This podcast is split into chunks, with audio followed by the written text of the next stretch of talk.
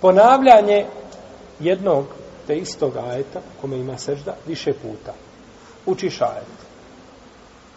Oli Allahi jesudu mafi samavati wa mafi mafi wa šemsu wa kameru wa nijumu wa džibalu wa šeđeru wa devabu wa kethiru minan nas wa kethiru haqqa la ihna azabu wa me yuhin illahu fa ma lehum i mukrim inna Allahe je fa'al ma'iš pa ga ponovi, pa ima sežda pa ga ponovi drugi put, pa ga ponovi treći put pa ga ponovi četvrti put kada ćeš učiniti seždu?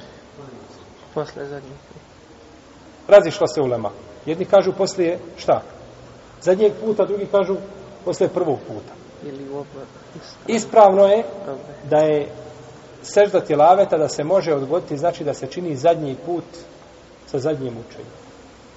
Proučio si ga, učiš ajet na pamet. Proučio si ga i ponavljaš ga jedan put. Ponovit ćeš ga deset puta da ga naučiš, zadnji put kada ga naučiš, dovoljno ti da šta jedan put učiniš seždu tilaveta. Ako bi učinio svaki put, nije, greh, nije greška. No međutim, čovjeku je dozvoljeno da odgodi sve to za šta? Za zadnji put.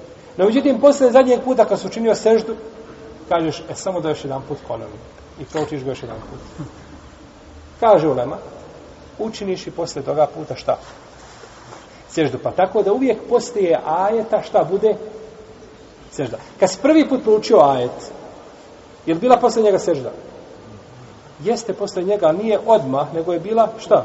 Samo se odgodio, ali je posle toga ajeta bila šta?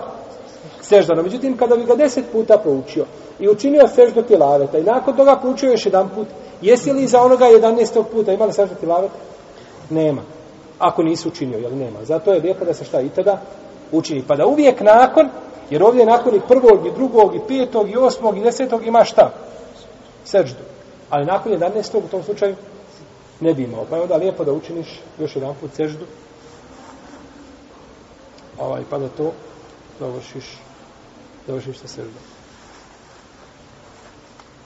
Znači kako ovaj, kada se čovjek oženi jedan put, sad oženi drugu ženu. Ona se prva slomi od ljubomore. Ona ne zna šta će od sebe. I kaže šta je sad lijek da se liječi u toj kući da bude stanje kako treba? Kaže dovedeš treću.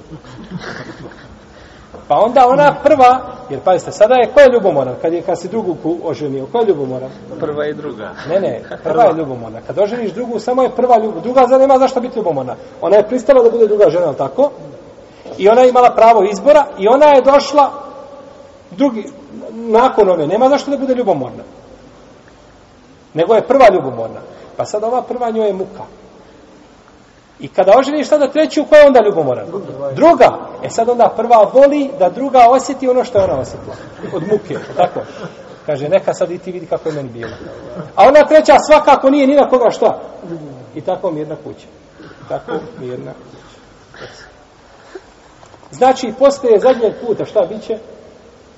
Biće? Sečda. Sečda nakon proučenog ajeta. I ovo je stav džumhura braću uleme. Džumhura uleme, rahimehumullahu ta'ala.